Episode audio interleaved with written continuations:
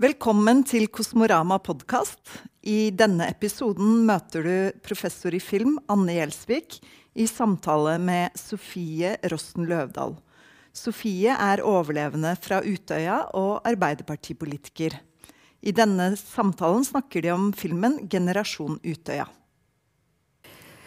Ja, Sofie, vi er her for å snakke om en film vi nettopp har sett, 'Generasjon Utøya'. Uh, og vi har, litt, vi har, to forskjellige måter å se den filmen på. tenker Jeg Jeg ser den som filmviter, og du ser den som en som var på Utøya 22.07.2011. Så jeg lurer egentlig på hvordan, hvordan, var det for deg å se uh, Sigve Endresen og Åslaug Holms generasjon Utøya? Du, det var en veldig sterk opplevelse, egentlig. Dette er jo kvinner som jeg kjenner fra før, og som jeg ser veldig opp til. Og det å, eh, å se hvordan de har blitt fulgt over flere år, og hvordan de eh, tar vare på den historien om 22.07. inn i sitt videre engasjement, det er veldig, veldig sterkt å se. Mm. Um, jeg syns at uh, filmen på en god måte uh, sier noe Uh, om det ansvaret som spesielt Ina og AUF har hatt de siste årene for å bringe historien om 22.07. fram. Uh, samtidig som de har vært en helt vanlig ungdomsorganisasjon da, som skal prøve å påvirke moderpartiet i, i klimakampen og ja, drive vanlig organisasjonsarbeid. Så har de jo i tillegg det her, alt det her med 22.07. På, på skuldrene sine. Um, og jeg syns spesielt det, det, er fint hvordan man ser at uh, Utøya uh, blir tatt tilbake igjen av ungdommen, og at Utøya på nytt fylles av engasjerte ungdom og ja, ungdommer som har lyst til å endre verden, rett og slett. Og da syns jeg det var det er liksom når du tenker på det, så er jo ikke det noe som kommer av seg sjøl. Mm. At en ungdomsorganisasjon skal klare å komme tilbake eh, etter et sånt angrep, mm. eh, hvor så mange eh, barn og unge eh, ble drept på den øya, og så klarer de helt alene nesten å, å, å bringe bringe ungdom tilbake igjen, ta vare på historien og samtidig eh, få det engasjementet fram. Da. Så det er egentlig en helt unik historie som fortelles, og som jeg tror er veldig viktig at fortelles eh, nå, mm.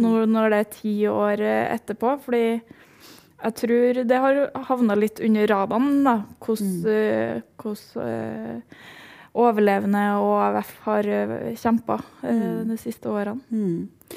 Vi kan jo si det, altså, så det er jo, Filmen er bygd opp ved at vi følger som du sier, fire eh, kvinner som har valgt å bli i politikken, og som har valgt å være i AUF eller, og eller Arbeiderpartiet i tida etterpå. Og så Ina Libak, som du nevner, har jo vært AUF-leder. Og eh, Kamzy Ganataram, eh, som er varaordfører i i Oslo nå og står på, blir på stortingsvalget til, til, høsten. Og Line Hoem og Renate Tårnes. Eh, men når du beskriver filmen sånn, så, så, høres det jo ut som en ganske positiv fortelling. Altså det at det du, første du forteller nå, er liksom styrken i det de har gjort. Ja, absolutt. Um, jeg mener at det her må være en av de viktigste filmene i Norge i år som fortjener all den oppmerksomheten eh, eh, som kommer framover. Fordi eh, det har jo vært en del ulike filmer og, og, serier som har portrettert 22.07. Og, og, og den biten med hendelsene. men kanskje i mindre grad tatt opp i seg eh, det høyreekstreme tankegodset da, eh, som, som gjerningsmannen hadde, og, og, hvordan det på en måte påvirker bearbeidelsen av eh, 22.07. Um, jeg tror at uh, det er helt unikt å se hvordan overlevende som velger å engasjere seg videre, eh, kost, på hvilken måte de gjør det, og hvorfor de gjør det. Det blir så tydelig at, eh, eh at engasjementet deres er egentlig forsterka av 22.07, mm. og at det er veldig viktig for dem å, å viderebringe historien om hva som faktisk skjedde. Um, mm. Og så er det jo smått utrolig å se eh, på nært hold hvordan de fortsatt lever med trusler og netthets nesten daglig. Mm. Mm. Og vi ser bl.a. Ina møte i retten mot uh, en som har kommet med ganske alvorlige trusler. Mm. Og um, det syns jeg det har på en måte ikke blitt snakka nok om, da. Hvordan uh, de høyreekstreme kreftene i Norge på en måte har blitt sterkere de siste årene, mm. og at overlevende faktisk må leve med, med, en del av de her truslene enda. Mm. Jeg har jo jobba med et prosjekt som jeg fortalte om, hvor vi har sett på hvordan kunstnere og filmskapere har behandla 22.07. Eh, tidligere. Og vi har jo flere filmer, som du sier. Erik Poppe sin film 'Utøya', som handler om selve angrepet. Vi har 'Rekonstruksjon Utøya', en svensk dokumentarfilm som også handler om det å overleve. Og vi har eh, Netflix sin 22. juli-film som, som, kanskje er den av filmene hittil som har handla om ideologi, og som prøver å sette ord på den, den ideologien som fikk Anders Behring Breivik til å gå til angrep på, på AUF og på regjeringskvartalet. Men jeg synes i forhold til det du sier, så tenker jeg at det er det som Generasjon Utøya gjør, som har vært minst behandla både i annen kunst, men i filmene, nemlig at dette var et politisk angrep. Eh, hva slags ideologi han representerte, men også hva slags ideologi AUF eh, har stått for og står for.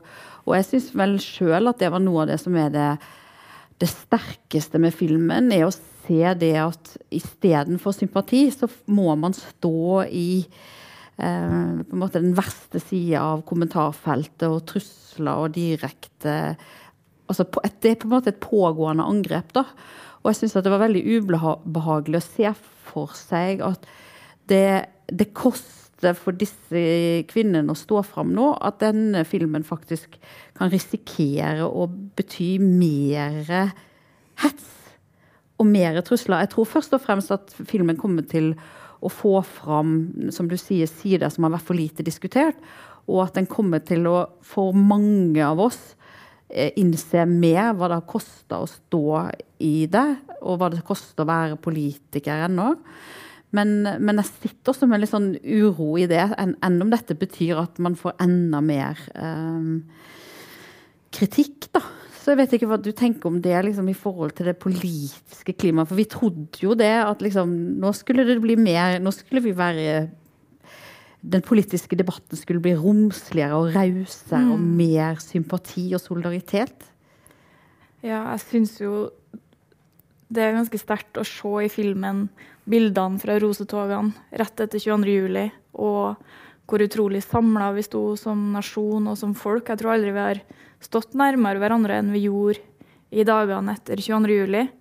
Um, men så gir bildet Det er liksom en kontrast til den andre fortellinga i, i, filmen, hvor de står ganske alene i den der kampen om, om å, å, aldri glemme 22. juli og fortelle eh, omverdenen at det var et politisk angrep. Um, og det er egentlig Ja det minner jo veldig om egentlig ting som du sjøl har adressert som politiker i Trondheim.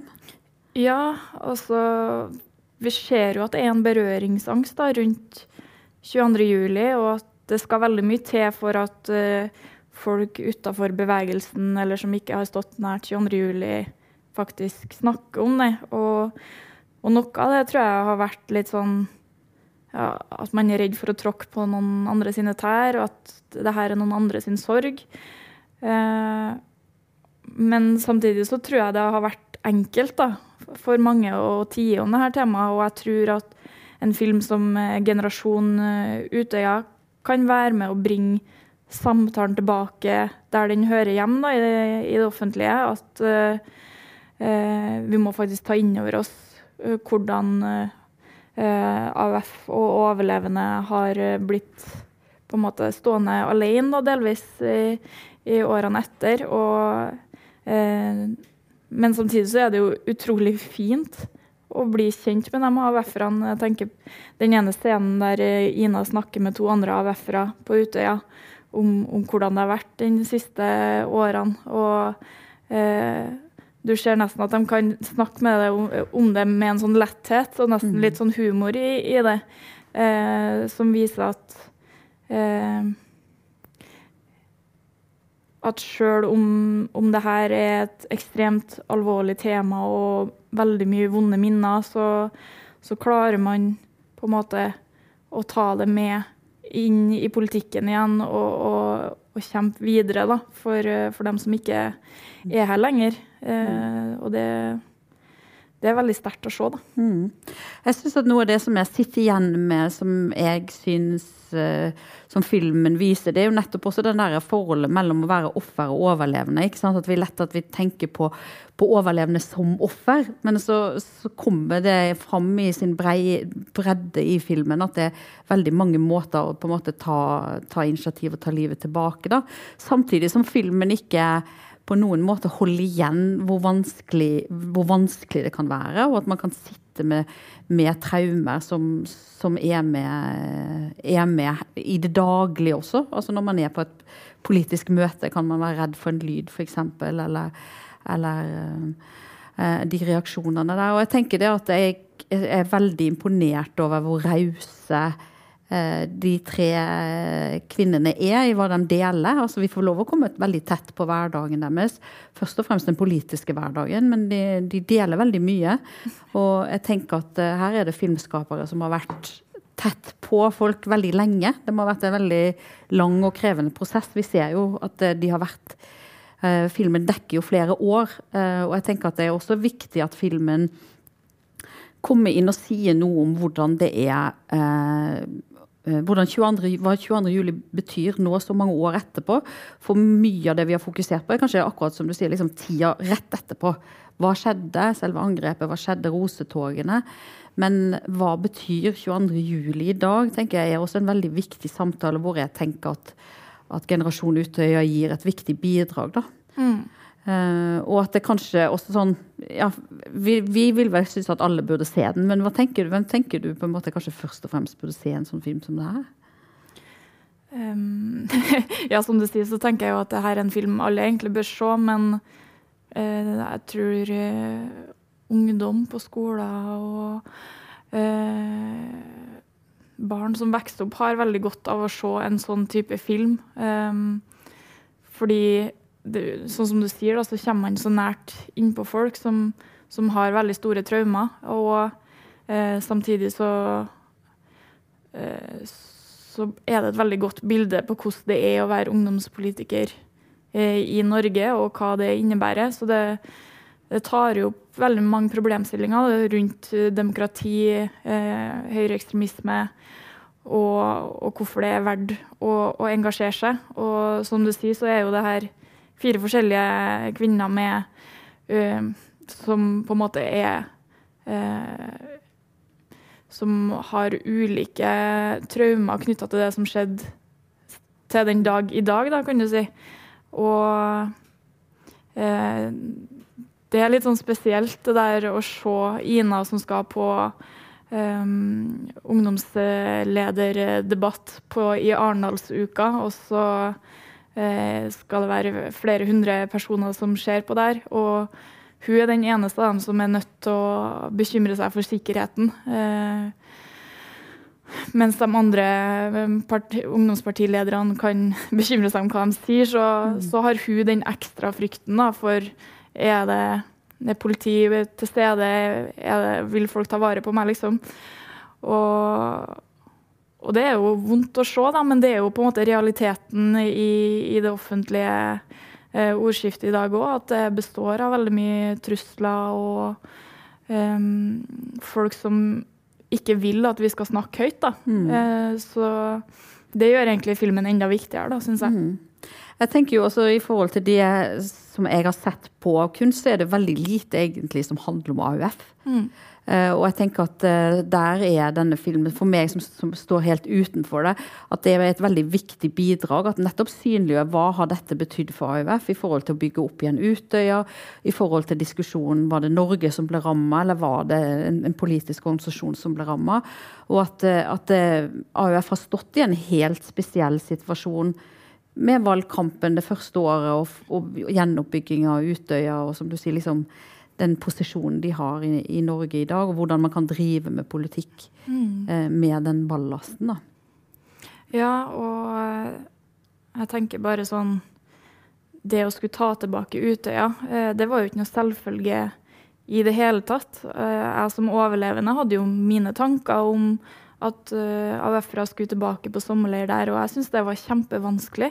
Det er kjempevanskelig å, se folk eh, skal være på øya igjen og være glad og ha en vanlig sommerleir når det er så forferdelige ting mm. som har skjedd der.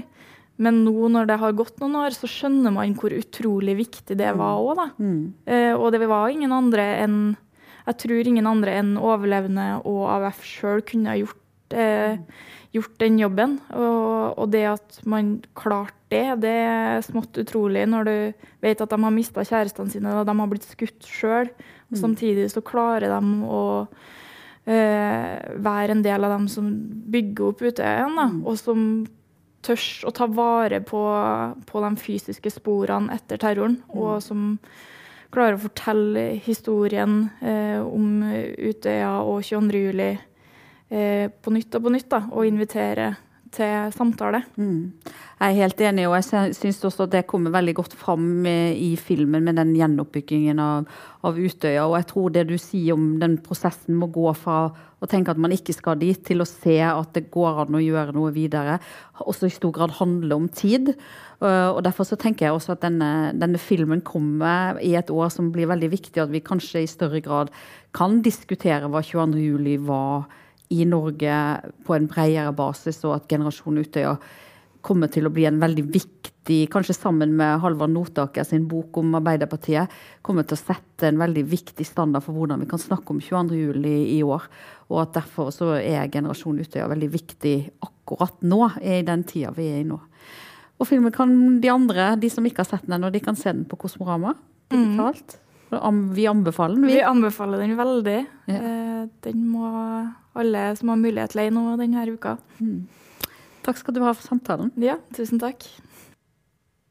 Du har fått en samtale fra Anne Gjelsvik og Sofie Rosten Løvdahl om Generasjon Utøya. I år er Kosmorama heldigital. Sjekk ut programmet vårt på kosmorama.no.